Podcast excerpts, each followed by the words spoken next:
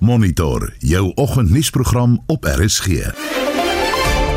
In volgens se program Vrystaatse boere word deur grootskaalse saaddiefstal getuister. Jy kan jou etolgeld terugkry en die vrou van 'n vermoorde speurder vertel van die nagmerrie wat sy beleef het. Hy was die beskermer wat op die mure se rande geloop het om die stad op te pas. Dis wie my man was. Hy was die brullende leeu wat seker wou maak alles is oukei okay en almal is veilig. Baie welkom by Monitor die span vanoggend redakteur Jean-Marie Verhoef, ons produksieregisseur Johan Pieterse. My naam is Anita Visser.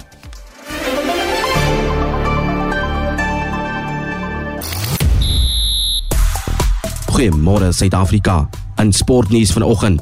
In cricket gaan Australië groot met Kawaja op 195 nie uit nie. In sokker klop Manchester City vir Chelsea om bietjie nader aan die voorlopers Arsenal te beweeg.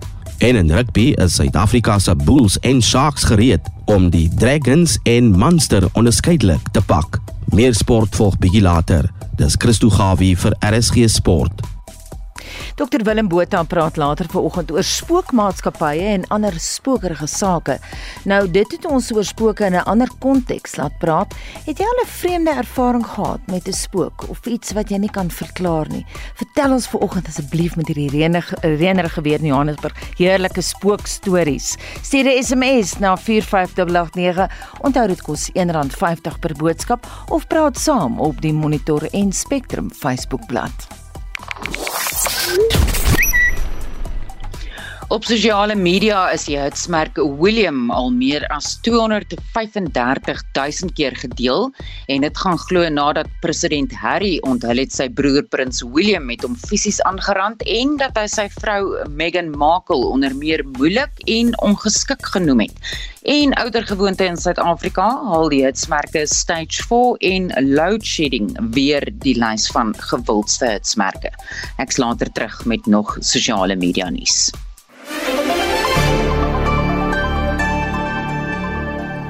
Lede van korrektiewe dienste, tesame met die teenbende eenheid en misdaadintelligensie, het 'n deursoek en beslagleggingsoperasie by die Polsmoor gevangenis in die moederstad gedoen.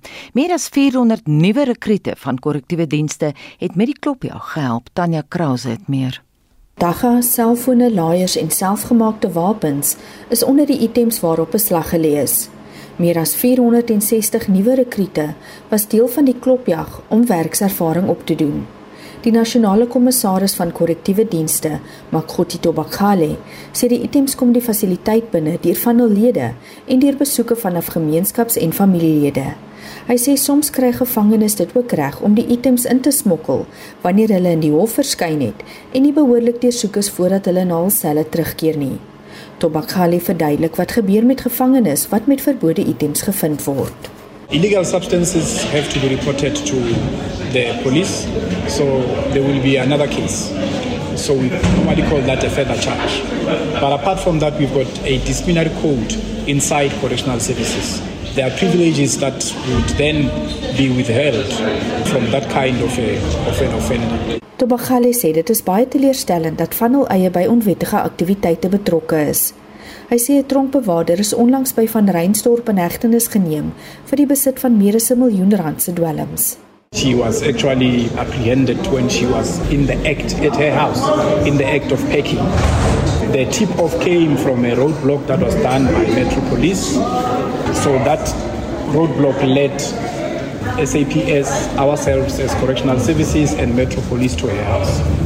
Hy sê die gevolge vir lede wat skuldig bevind word aan die insmokkel van verbode items is selfs erger as vir gevangenes. What we normally do, we take them through disciplinary processes. We have statistics, and what pains me is that all of them end up being dismissed from the service. Now you have a someone who was, you know, looking after a family getting dismissed. I mean that contributes to the high level of unemployment. But as I indicated, we report this to South African Police Services and then uh, obviously the criminal justice system takes its course. Tobakhale het die nuwe rekrute gemaan om aan hul toekoms te dink en nie by onwettige aktiwiteite betrokke te raak nie. Hy sê hulle is deel van meer as 1000 nuwe rekrute wat pas klaar gemaak het met college. Daar sal einde Januarie advertensies wees vir nog 'n inname van sowat 3000. Tobakgali sê tans is daar altesaam sowat 28000 lede wat na nagenoeg 152000 gevangenes en 70000 wat op parol vrygelaat is moet omsien. Ek is Tanya Krause op George in die Weskaap. Vrystaat Landbou is bekommerd oor 'n beduidende toename in die diefstal van saad en landbouchemikalieë. Die modus operandi is die gebruik van minibus taksies wat op plase toeslaan en dan volgelaai word. Vir meer daaroor praat ons nou met die veiligheidsrisiko-analis van Vrystaat Landbou, Dr. Jane Buys. Goeiemôre Jane. Goeiemôre Anita. Skets vir ons die omvang van die probleem. Ehm um, Anita, uh wat nou die omvang van die probleem gaan op die stadium bietjie moeilik bepaal word veral gedurende Desember omdat ons nou eers 'n konsolidasie aangevra het van misdade wat in die feestyd plaasgevind het. Maar wat ons wel kan sê is dat daar het 'n paar voorvalle en insidente in die Vrystaat plaasgevind. Die eerste een het so einde November plaasgevind wat as 'n plaasaanval of 'n roof geklassifiseer kan word in die Bethlehem area waar sekuriteitswagte vasgebind was en waar daar omtrent 3 ton kunsmis geroof is wat met 'n trok vervoer is vanaf 'n uh, plaas. Dan het ons in Desember het ons omtrent 6 voorvalle gehad in die Vrystaat. Uh weer eens te Bethlehem waar drie persone gearresteer is wat kunsmis gesteel het dan in Vierfontein was daar drie insidente, twee pogings en een wat eh, net voor 'n uh, nuwejaarsnaweek plaasgevind het en waar daar nagenoeg 'n miljoen rand se uh, chemikalie gif en saad gesteel was. Dan het ons ook in Ryds by insetverskaffer 'n uh, sonneblomsaad wat gesteel was en dan ook in Hoopstad op 'n boer se plaas En uh so daar was omtrent so 6 voorvalle in die Vrystaat gewees gedurende Desember, maar daar kan meer wees as ons nou teen volgende week redelike aanduiding het van wat die omvang was en die impak van die misdade wat die landbousektor negatief beïnvloed het. Jane, sien julle hierdie soort van diefstal gewoonlik oor Desember? Dit kom nogal voor uh, gedurende Desember en dit is ook 'n seisonale misdaad uh waar daar ook uh, toegeslaan word op plase met die idee dat daar 'n sekere produk of 'n insetproduk beskikbaar gaan wees van die boere is besig om te plant. So uh, in terme van as ek vinnig kan verduidelik in uh, rakende die modus operandi Uh, ek moet sê dit is vir ons 'n bekommernis dat ons sien dat die grootte van die groeperinge wat hierby betrokke is uh, in die Vierfontein insident was daar 8 persone gearresteer waarvan vier van die persone klaarblyklik op die plaas werksaam was. En dan die tweede uh, probleem waarmee ons te kampe uh, het altyd wanneer ons praat van misdaad is dat hierdie persone dan gewapen is met handwapens. So uh, dit maak dit ook weer eens baie uh, groot risiko veiligheidsrisiko vir die boerderygemeenskappe en dan die wyse waarop hierdie goed plaasvind gedurende nagtelike ure word dit gewoonlik uitgevoer en waar dan nie net een voertuig betrokke is nie maar moontlik twee voertuie. 'n uh, 'n ander aspek wat ons natuurlik moet uitlig is dat uh daar is die die die buitelanders wat ook betrokke is en, wat dan gewoonlik na vore gebring word uh as bestuurders van hierdie voertuie. Uh en dan uh, lyk dit asof hierdie misdaad op 'n georganiseerde wyse beplan en uitgevoer word. So dis hoekom dit belangrik is dat hierdie misdade deur georganiseerde misdaadeenheid ondersoek word. Hmm. Uh hierdie groeperinge opereer oor provinsiale grense heen en daar is 'n uh, definitiewe markte en afsetgebiede. Weereens dan moet vraag wees. As daar nie vraag is na 'n sekere produk nie, mm. dan is daar nie aanbod nie. So, so daar is definitief. Hm? Praat ons hier van syndikaate? Definitief, dit moet groeperinge en syndikaate wees wat oor provinsiale grense opereer en dan moet markte en afsetgebiede wees. So wat eintlik beteken daar is sekere uh um, alternatiewe besighede of alternatiewe markte of boere of kommersieel of opkomend of bestaans wat hierdie produk dan koop teen 'n baie laer prys. So dan moet 'n mark daarvoor wees. Ek wil nou juist vra oor of bestaansboere betrokke kan wees. Jy het nou daar verduidelik, maar wat kan boere doen om hulle self teen hierdie soort misdaad te beskerm? Ehm um, weet jy, ek dink dit is baie belangrik dat die boere uh moet besef dat daar waar hulle hierdie dierkommoditeite of insetprodukte van hulle stoor dat hulle regtig effektiewe sleutelbeheer toepas dat hulle uh, ook uh, alternatiewe tegnologiese hulpmiddels daar sit sodat hulle dit kan half monitor en en beter beskerm. Dis baie belangrik want laat hierdie goederes nie sommer net gesteel word en hulle met groot verliese dan sit nie. Weereens uh, het die uh, uh, Vierfontein insident vir ons gewys dat daar waar boere patrollies ry waar hulle betrokke is binne die landelike beveiligingsstrategie waar hulle ook direkte mobilisasie plaasvind uh, en waar daar inligting is Inligting speel natuurlik altyd 'n sentrale rol en is een van die belangrikste middele om effektief misdaad te bestry en te bekamp. Uh het dit gelei tot 'n arrestasie daar. So dis belangrik dat inligting tussen rolspelers binne die strategie gedeel word. En en natuurlik die belangrikste aspek ook is boere moet sake aanmeld want daar waar daar sake aangemeld is en uh, daar word sake dan ondersoek deur die georganiseerde misdaadeenheid dan kan daai sake verbind word met ander. En eventually as daar arrestasies plaasvind, kan daar swaarder vonnisoplegging in die howe plaasvind. Baie dankie en so sê uh, die veiligheidsrisiko-analis van Vrystaat Landbou, Dr Jane Buys. Die premier van Gauteng, Panyasa Lesufi het aangekondig dat motoriste wat wel hulle etolrekeninge betaal het, hulle geld sal terugkry. Dit kom na die besluit om etolwetgewing te skrap en vir meer hieroor praat ons nou met advokaat Stefanie Fik, direkteur van die afdeling vir verantwoordbaarheid by Outa wat etol beveg het. Goeiemôre Stefanie. Goeiemôre Anita. Ons het nou al soveel onderhoude hieroor gevoer en elke keer is daar 'n nuwe hoek aan die onderhoud. Dink jy uh, dat die premier se aankondiging wel deurgevoer word? Jy weet baie keer sê politici goed en dan sien ons niks daarvan later nie. Baie goeie idee, maar ek dink tog hy hy het nou vir homself hier 'n tamaletjie, regtig 'n 'n 'n 'n tamaletjie ge ehm um, uh, gemaak. Die probleem is, dis nie vir die politieke um, mense vir die provinsie om te sê nee dis Sanral wat moet uitkom en sê maar ons gaan mense vir vir mense die geld uh, teruggee. Want dit dit was a oh, dis 'n uh, Sanral wetgewing dis nasionale paaie dis hulle wat die geld ontvang het. So mense sal graag ek ek, ek, ek dink die, vertroue eh, die die skenning van vertroue is altyd daar en en en, en die regering is dan eintlik baie hoog uh, wat dit betref nie, maar ek dink tog mense sou dit beter aanvaar het as Sanral begin om hierdie boodskap ehm um, um, is vir die vir die vir die motoriste te gee. Want prakties of dit prakties uitvoerbaar is, mens wonder. Ek ek dink dit is regtig, dis 'n tamaletjie.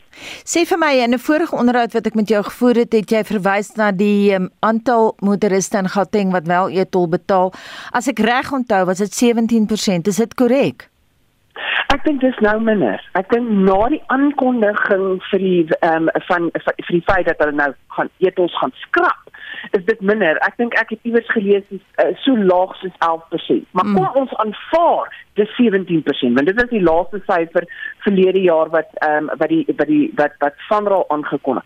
17%. Mm. 17 10% van mense betaal nog etel. So dis bitter min. Dis regtig bitter min. Stefanie, so hoeveel geld is hier ter sprake? Hoeveel geld moet terugbetaal word? 'n klomp geld eh, eh, in die in die in die in die, in die groter skema is dit nou 'n druppel in die emmer want ehm um, ehm um, Sanral het dan nou gesukkel om die geld wat hulle gedink het hulle gaan uit hierdie skema uitkry, het hulle nou nie gekry nie. Maar mense mense praat hier van 8 8 na 9 miljard rand wat sal terugbetaal uh, terugbetaal moet word. Mense wonder net waar dit gaan vandaan kom. Ek wou nou jy sê gaan hulle 'n ander manier bedink om die belastingbetalers by te kom hoop nie so nie. Ek hoop regtig nie so nie want um, ons het al voorheen hieroor gepraat. Met die feit dat ehm um, die uh, Gautengse regering gesê het, provinsiale regering gesê het dat hulle gaan hierdie 30% betaal is is vir ons 'n probleem. Want die vraag is hoekom? As jy gaan kyk na opgradering van paaie oor reg oor die oor die land word gefinansier deur die fiskus. Hmm. Hoekom moet Gauteng met 'n ruster dan betaal vir hierdie 1% van van hulle se pad oppervlakte. Hoekom? Maar um, dis 'n goeie weer eens. Uh, ek ek dink in Suid-Afrika sit ons met soveel goeie idees. Dit is 'n goeie idee dat mense gaan terugbetaal word, maar hulle moet gaan dink aan die implementasie daarvan. Hoe gaan ons dit doen sonder om die belastingbetaler verder ehm um, ehm um, um, verder in die grond af te druk as dit kom by ehm um, ehm um, geld. Jy verwys nou herhaaldelik na die praktiese uitvoerbaarheid van die idee. Is daar die kapasiteit om die betalings te fasiliteer? Fasiliteer. Ek praat nou prakties. Dit is wonderlik, dan het nie hulle het nie regtig die vermoë gehad om epos in te vorder. Ek meen daar's soveel mense wat uh, probleme gehad het met hulle met hulle rekeninge. Ons weet dat die stelsel gebaseer is op wel, wat Inatus word nou Natus genoem, wat ook nie heeltemal 100% ehm um, funksioneer nie. So mense wonder prakties of hulle dit regtig, dit dit is regtig 'n groot groot groot vraagteken. En nou moet ons ook onthou, hierdie groot maatskappye, as mense nou dink aan die maatskappye wat motors verhuur, hulle nie etels betaal nie. Hulle het dit net so oorge, oorgesit na hulle hulle hulle kliënte toe. So nou kan jy dink watter administratiewe nagmerrie dit gaan wees. En mens wonder tot watter mate ons gaan seker maak dat daar nie weer eens soos wat ons gesien het met met die PPE korrupsie hmm. dat dit nie ook uh, net weer die die die walle vir korrupsie gaan gaan gaan gaan gaan oopmaak. Die sluise van korrupsie gaan oopmaak. Baie baie dankie en daai skeptisisme kom van Stefanie Fik. Sy is direkteur van die afdeling vir verantwoordbaarheid by Alta. Om die afgelope byna 32 jaar in die Suid-Afrikaanse Polisie diens te kon dien, was die 49-jarige adjutant-offisier Anton Seber se behoud en grootste passie. Dit was sy suurstof. So sê sy 47-jarige vrou Cindy, presies 1 week nadat Seber koelbloedig in hulle huis in 'n sekuriteitskompleks in Kromdraai in die Kreersdorp omgewing tydens 'n rooftog doodgeskiet is. Hy was die afgelope 15 jaar 'n speurder by die Linden Polisie polisiestasie. Cindy het in 'n openhartige onderhoud met Estie de Klerk vertel wat gebeur het. Hy was die beskermer wat op die mure se rande geloop het om die stad op te pas. Dis wie my man was. Hy was die brullende leeu wat seker wou maak alles is oukei okay en almal is veilig. Oor ons gesin, oor eintlik kan ek sê enige iemand, jy weet as jy ergens was en daar was iets nie reg of iets nie, hy sou nie net stil gebly het en dit gelaat het nie. Hy sou ingetree het en gesê het weet stop dit, jy doen nie dit nie om ander mense ook te beskerm, maar ja, sy vriende en familie en gesin was alles vir hom gewees. Hy was 'n baie privaat mens. Verlede donderdag aand 29 Desember was Anton Cindy, hulle 19-jarige dogter Elsa en 17-jarige seun Rico, 'n neefie en 'n vriend van Rico tuis toe die weerlig die krag omstreeks 9uur in die woonbuurt uitgeslaan het. Cindy sê hulle het gereed gemaak om te gaan slaap en hulle het ouer gewoonte met hulle balkonskuifdeur op die tweede verdieping oopgeslaap. Ek het net aan die slaap geraak en ek hoor toe net my kamergordyn en direk daarna twee skote. So dit het alles so blitsvinnig gebeur. Dis twee mans wat hom gelyk geskiet het. Een het hom in die kop geskiet en een in die lyf geskiet. Ek het die skote gehoor.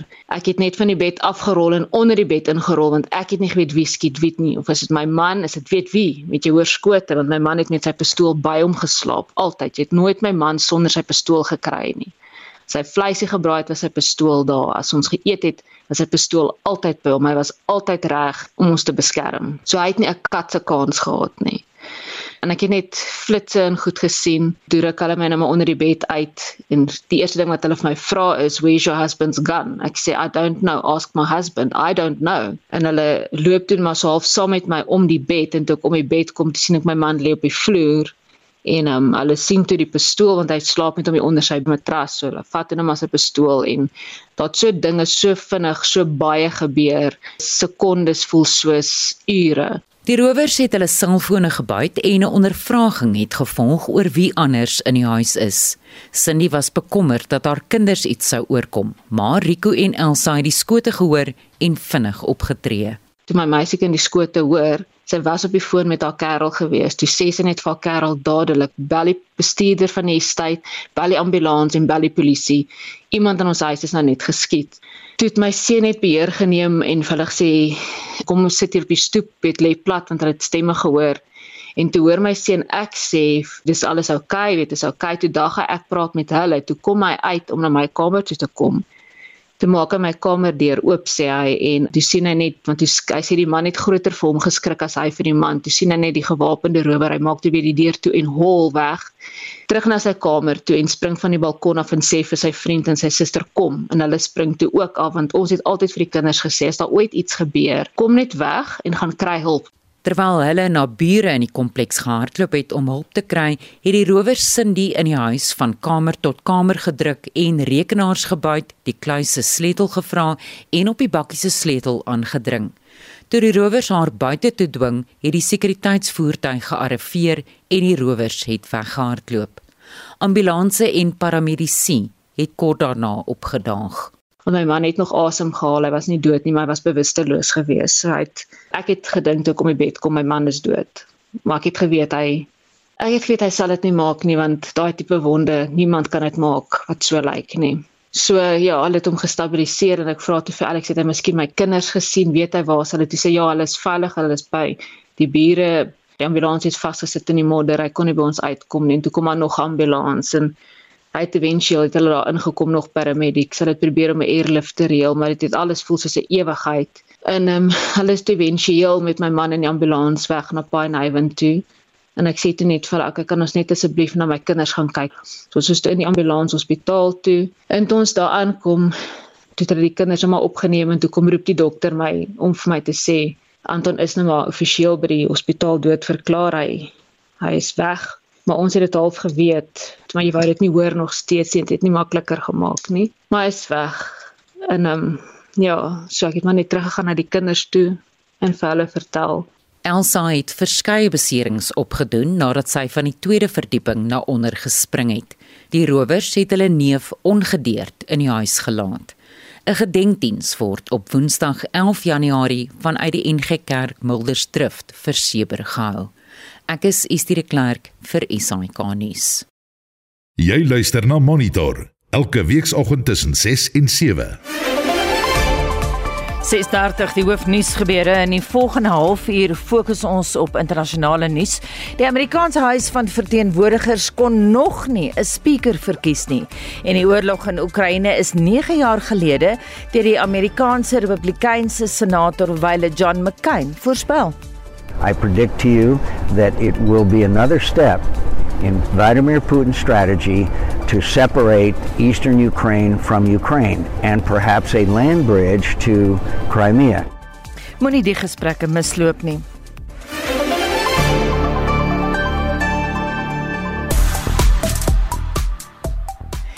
En nou SMS terugvoer en dis heerlike terugvoer oor spookstories vir oggend. Kom ons begin met 'n langerige een van Bobby Mitchley. Jare gelede het ek in Bloemfontein gewerk as 'n roepman. Eendag moes ek iemand gaan wakker maak en ek het met my fiets in Greystraat afgery. Van voor af aan my regterkant het 'n vrou aangestap gekom.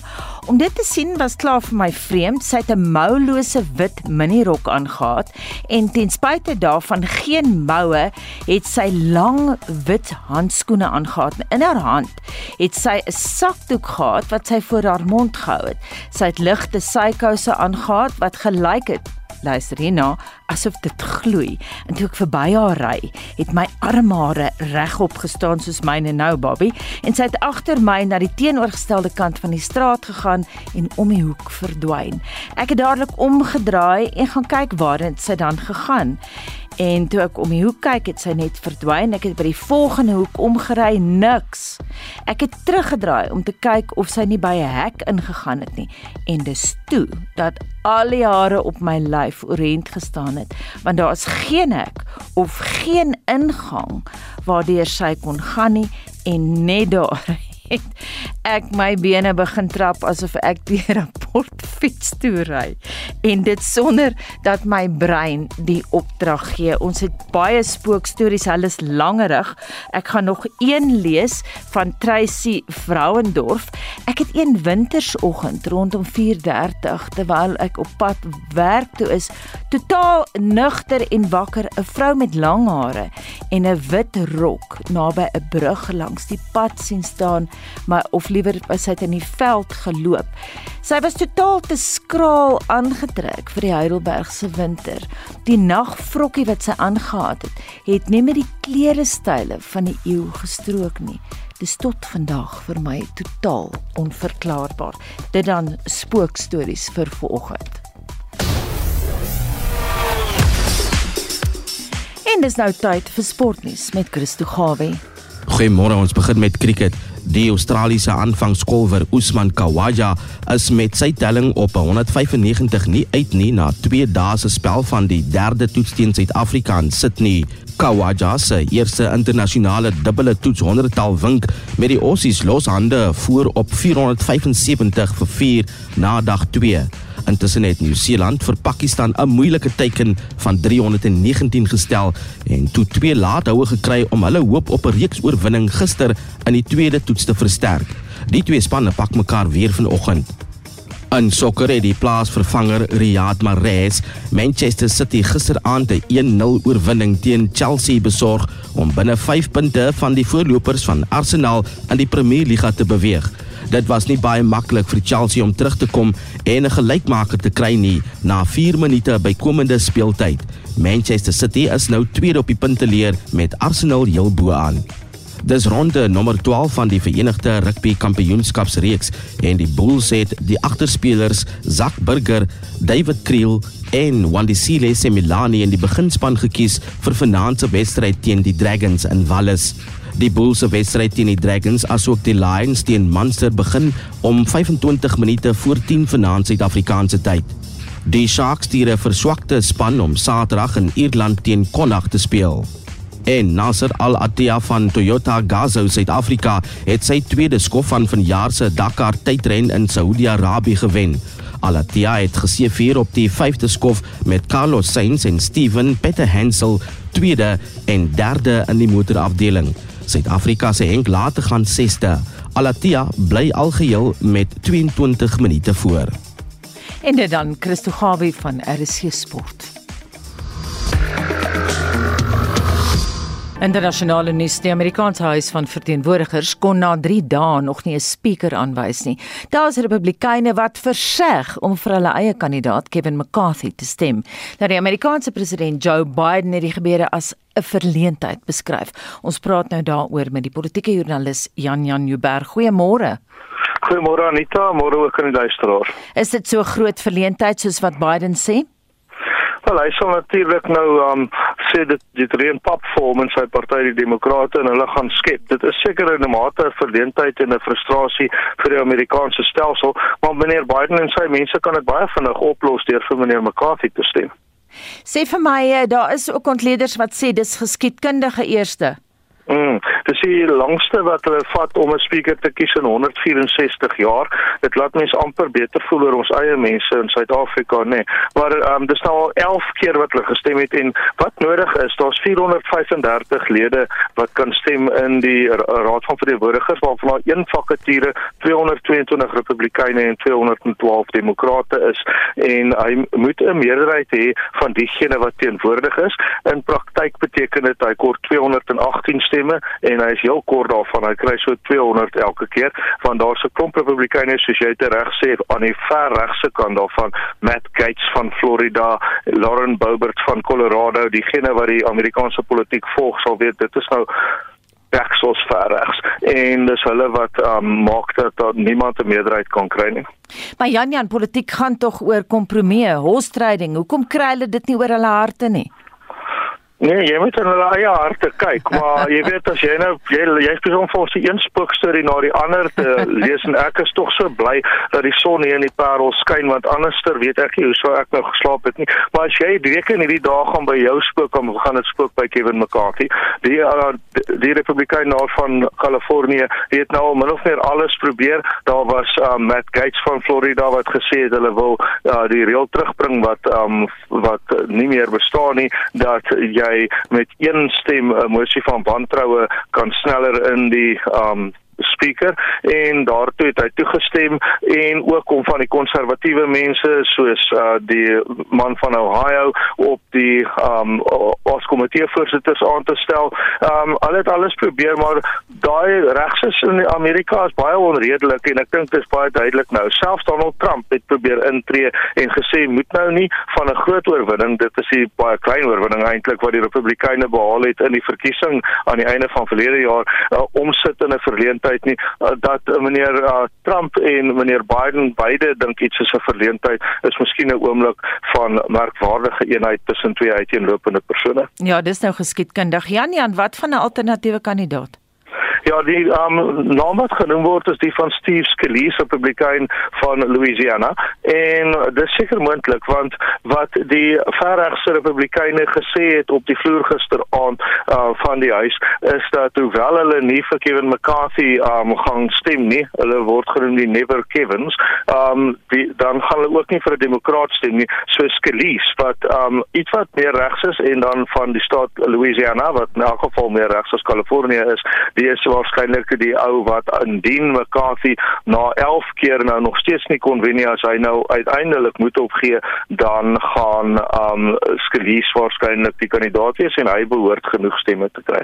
Ek is seker daar word baie harde woorde agter die skerms gepraat, maar vertel vir ons Janja, hoe belangrik is die rol van speaker spesifiek in die Amerikaanse politiek?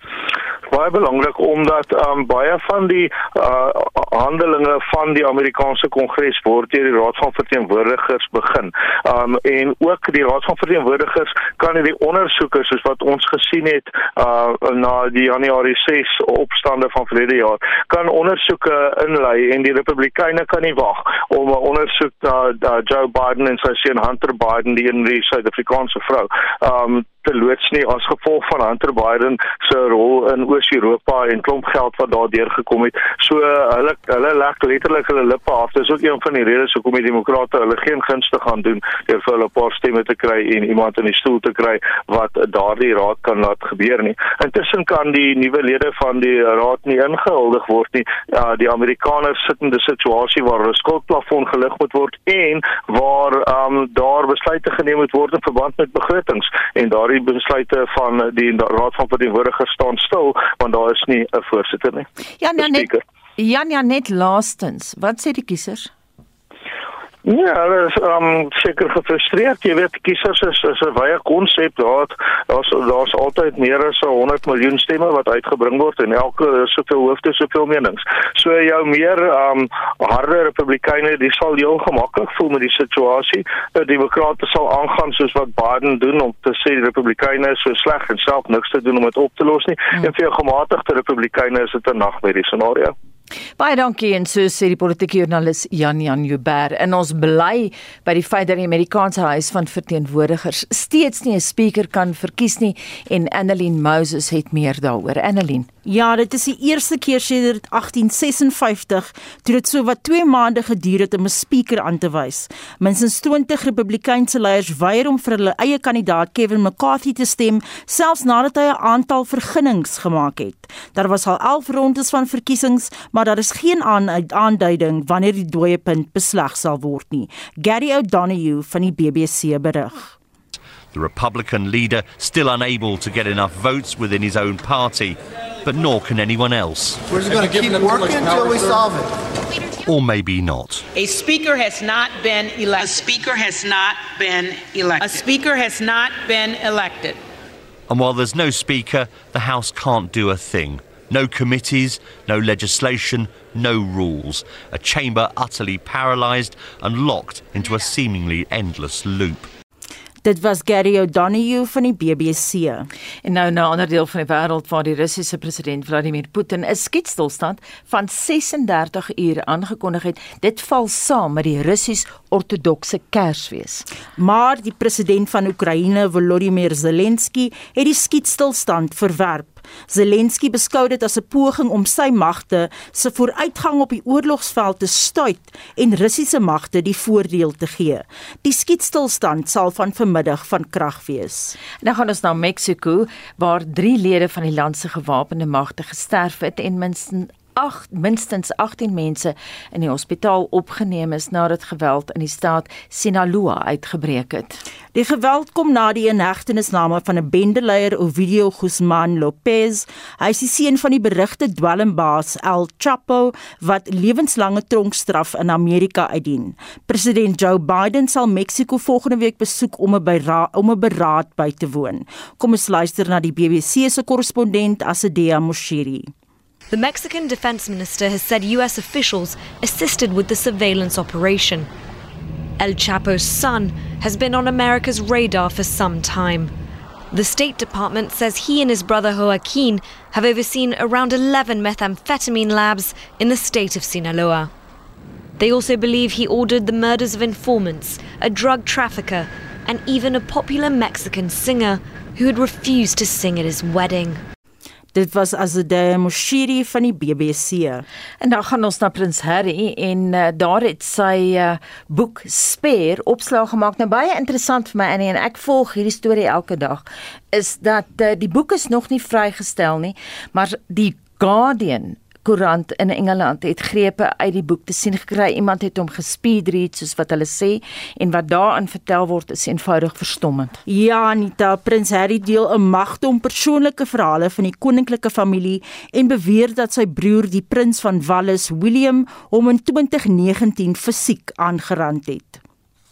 I don't know how staying silent is ever going to make things better. Gevra of hy sy pa Prins Charles III se kroningsplegtigheid sal bywoon, het hy so geantwoord.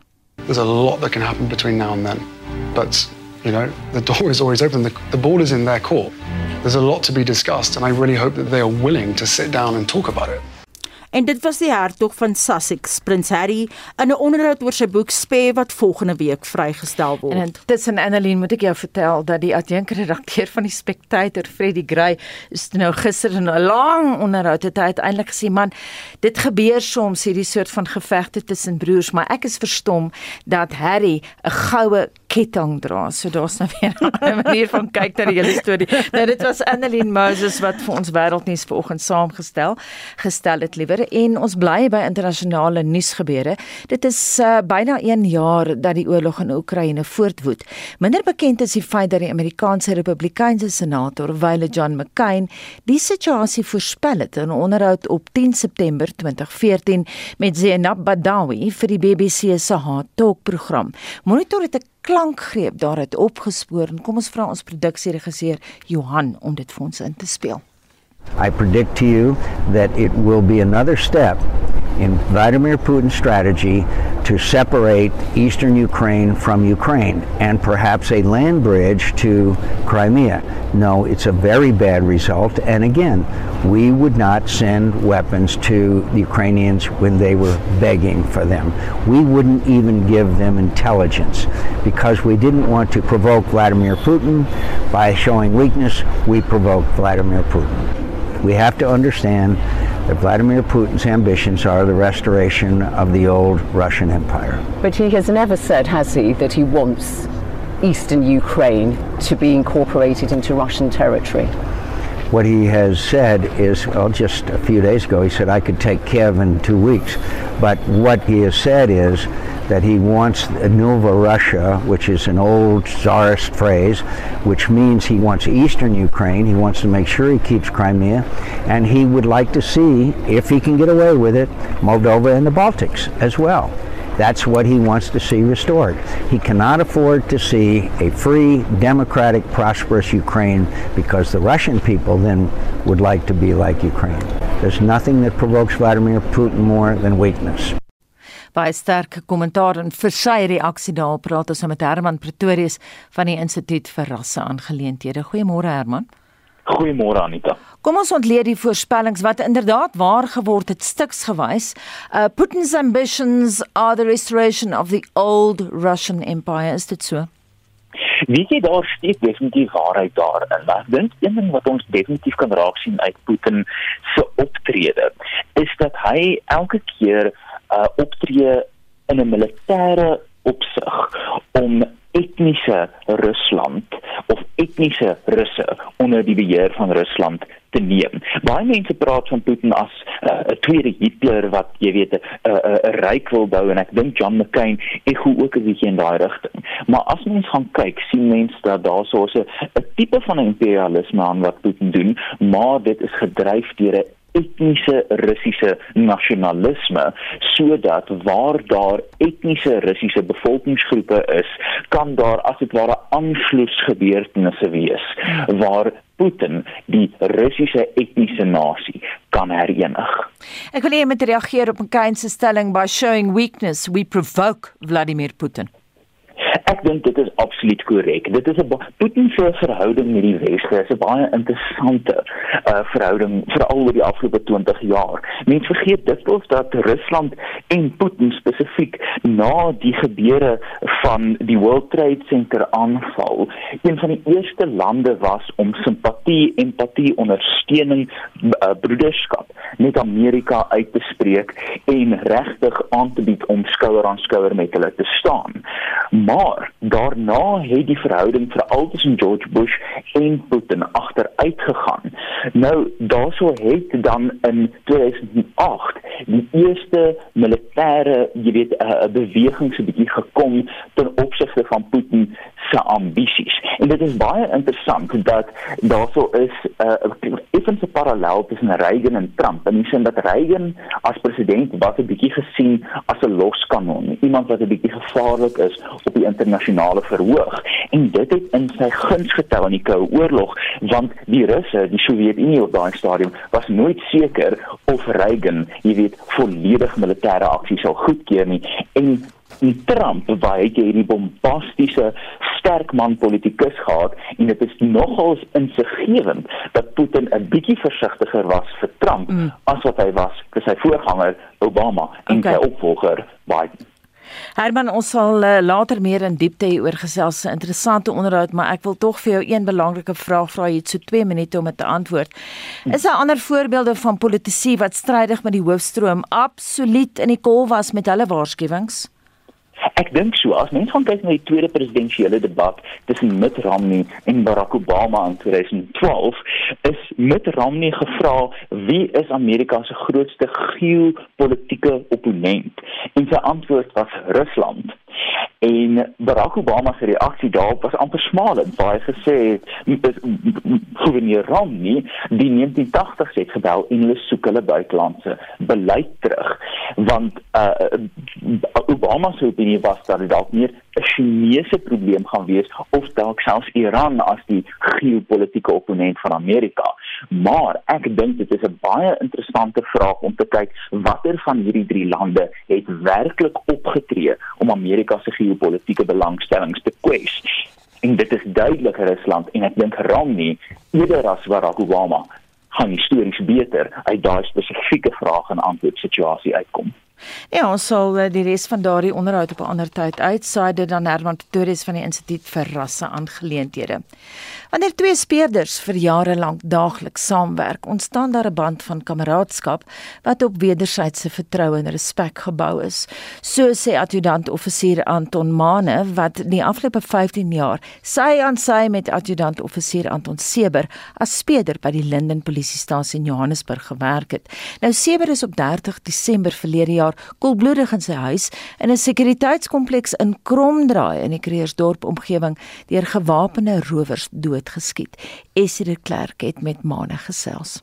Seber was vir hom veel meer as net 'n kollega in die 15 jaar wat hulle as speurders saamgewerk het, sê Mane. Jy het heeldag en aldag van my daai ou. My eksvrou die eendag was dit gereeld en in 'n grap sê so en sê, "Weet jy daai man word jou werksvrou?" Sy sê want jy weet jy sien hom meer wakker ure as wat jy vir my sien. Letterlik weet jy kom jy môre by die huis en maak aan jy dan gaan slaap en maar, maar fisies wat jy 8, 9, 10, 11 ure met so 'n persoon spandeer. Jy weet hy word meer as jou kollega. So dit is altyd moeilik weet wanneer so iemand weggeneem word.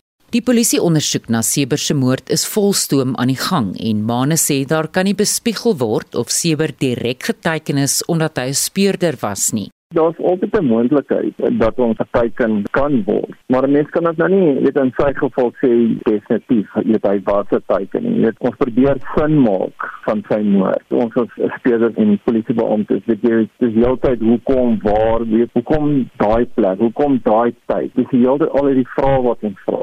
Dit is moontlik dat sekere polisiemanne geteken word. Ons kan ook nie daai kwessie elimineer nie, maar dit is nie te sê nie. Jy weet daar soos die publiek ook sal weet, dis nie net polismanne wat geteken word in gewapende rowe en waar hulle met lote geskiet word of doodgaan nie. Ian Cameron van die burgerregte organisasie Action Society sê speurders wat prioriteitsmisdade, bendegeweld en syndikaate ondersoek, werk dikwels onder gevaarlike omstandighede en word ook dikwels geteken. Hulle het nie werklike beskerming wat hulle geniet van die staat nie. Ons sien toenemend dat speurders wat byvoorbeeld werk met bendeverwante ondersoeke ensovoorts nie net geïntimideer word nie, maar dat hulle ook meer bedreig voel as normaal. Iemand soos byvoorbeeld oorlede Shaal Kinnear het verskeie dreigemente op sy lewe gehad. Daar was pogings voorheen om hom dood te maak wat misluk het en sy beskerming is verwyder deur die Suid-Afrikaanse Polisie diens. So ek dink daar's 'n tweeledige probleem. Aan die een kant dink ek nie die polisie het die werklike bestuursvermoë om hierdie risiko reg te bestuur nie, maar ek dink ook ongelukkig is daar 'n baie baie groot kriminele komponent in die bestuurstruktuur van die polisie en vir daai rede word grondvlakbeamptes werklik baie baie ernstig blootgestel. Speerders op plaaslike vlak word ook blootgestel veral wanneer dit kom by geweldsmisdaadondersoeke en die rede daarvoor is dat hulle nie enige vorm van addisionele hulpbron of beskerming geniet nie. Mane sê Seber was 'n saggeaarde mens en baie geliefd onder polisielede en hy en sy kollegas sal hom baie mis. Op 'n ligter noot sê Mane is daar twee goed waarvoor hy hom altyd sal onthou.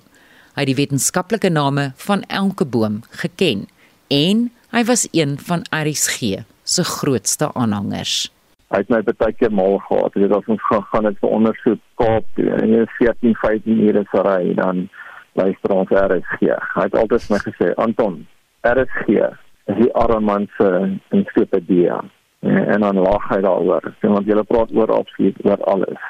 Hy was ook lief geweest om na Willem te sien. So wanneer ek saam met hom was en 'n Saterdag, ek dink dit was tussen 2 en 3, dan moet ons nou eers Willem sien luister. Hy was verskriklik lief vir julle stasie geweest. Dit was adjutant offisier Anton Mane. Ek is Estie de Klerk vir SAK nuus. Daar is van dese week berig dat die projek om 5 miljard rand se staatsgeld in 'n spookfirma te belê gestaak is. Dat alwe gesels Dr Willem Botha vanoggend oor spookfirmas en ander spookerige sake. Nou Botha is die voormalige hoofredakteur van die Woordeboek van die Afrikaanse taal. Goeiemôre, baie lekker om weer met jou te praat Willem. Goeiemôre Anita. Ja, dit is nogal lank gelede. Ja. Vertel vir ons meer van die spooke wat van dese week geloop het. Ja, die afgelope Sondag is daar berig dat die departement van indiensneming en arbeid en die werkloosheidsversekeringsfonds 5 miljard van werkers se geld se belê in 'n spookfirma. Nou 'n spookfirma bestaan net op papier en daar is geen rekord van sake nie. Die media berig het egter by die minister gespook en die projek is onmiddellik opgeskort hangende 'n verslag oor alle aspekte waaroor in die media berig is. 'n Fiktiewe persoon sakebedryf of dergelike wat versin is om fondse te manipuleer of belasting te ontdek staan as 'n spook bekend. Sulke spooke kan salarisse vir hulself of vir ander mense verdien waarvoor hulle nie gewerk het nie. En dan staan hulle as spookwerkers bekend. Spooke kan ook stem. 'n Spookstem is 'n vervalste stem wat onder die naam van 'n ander persoon, dikwels 'n oorledene, in 'n verkiesing uitgebring word. 'n Spookfirma bestaan nie maar 'n spookdorp bestaan wel. Dit is net verlate. Dit was as gevolg van 'n skerp daling in sakebedrywighede of in 'n bygedeel myn wat uitgewerk is. 'n Spookskrywer is iemand wat iets soos 'n boek of 'n toespraak namens iemand anders onder daardie persoon se naam skryf. Autobiografieë word dikwels deur spookskrywers geskryf. Spook kan ook as 'n werkwoord gebruik word in 'n betekenis van hard werk of moeite doen soos in spook om iets reg te kry. Of dit kan beteken fisiek al jou kragte inspann.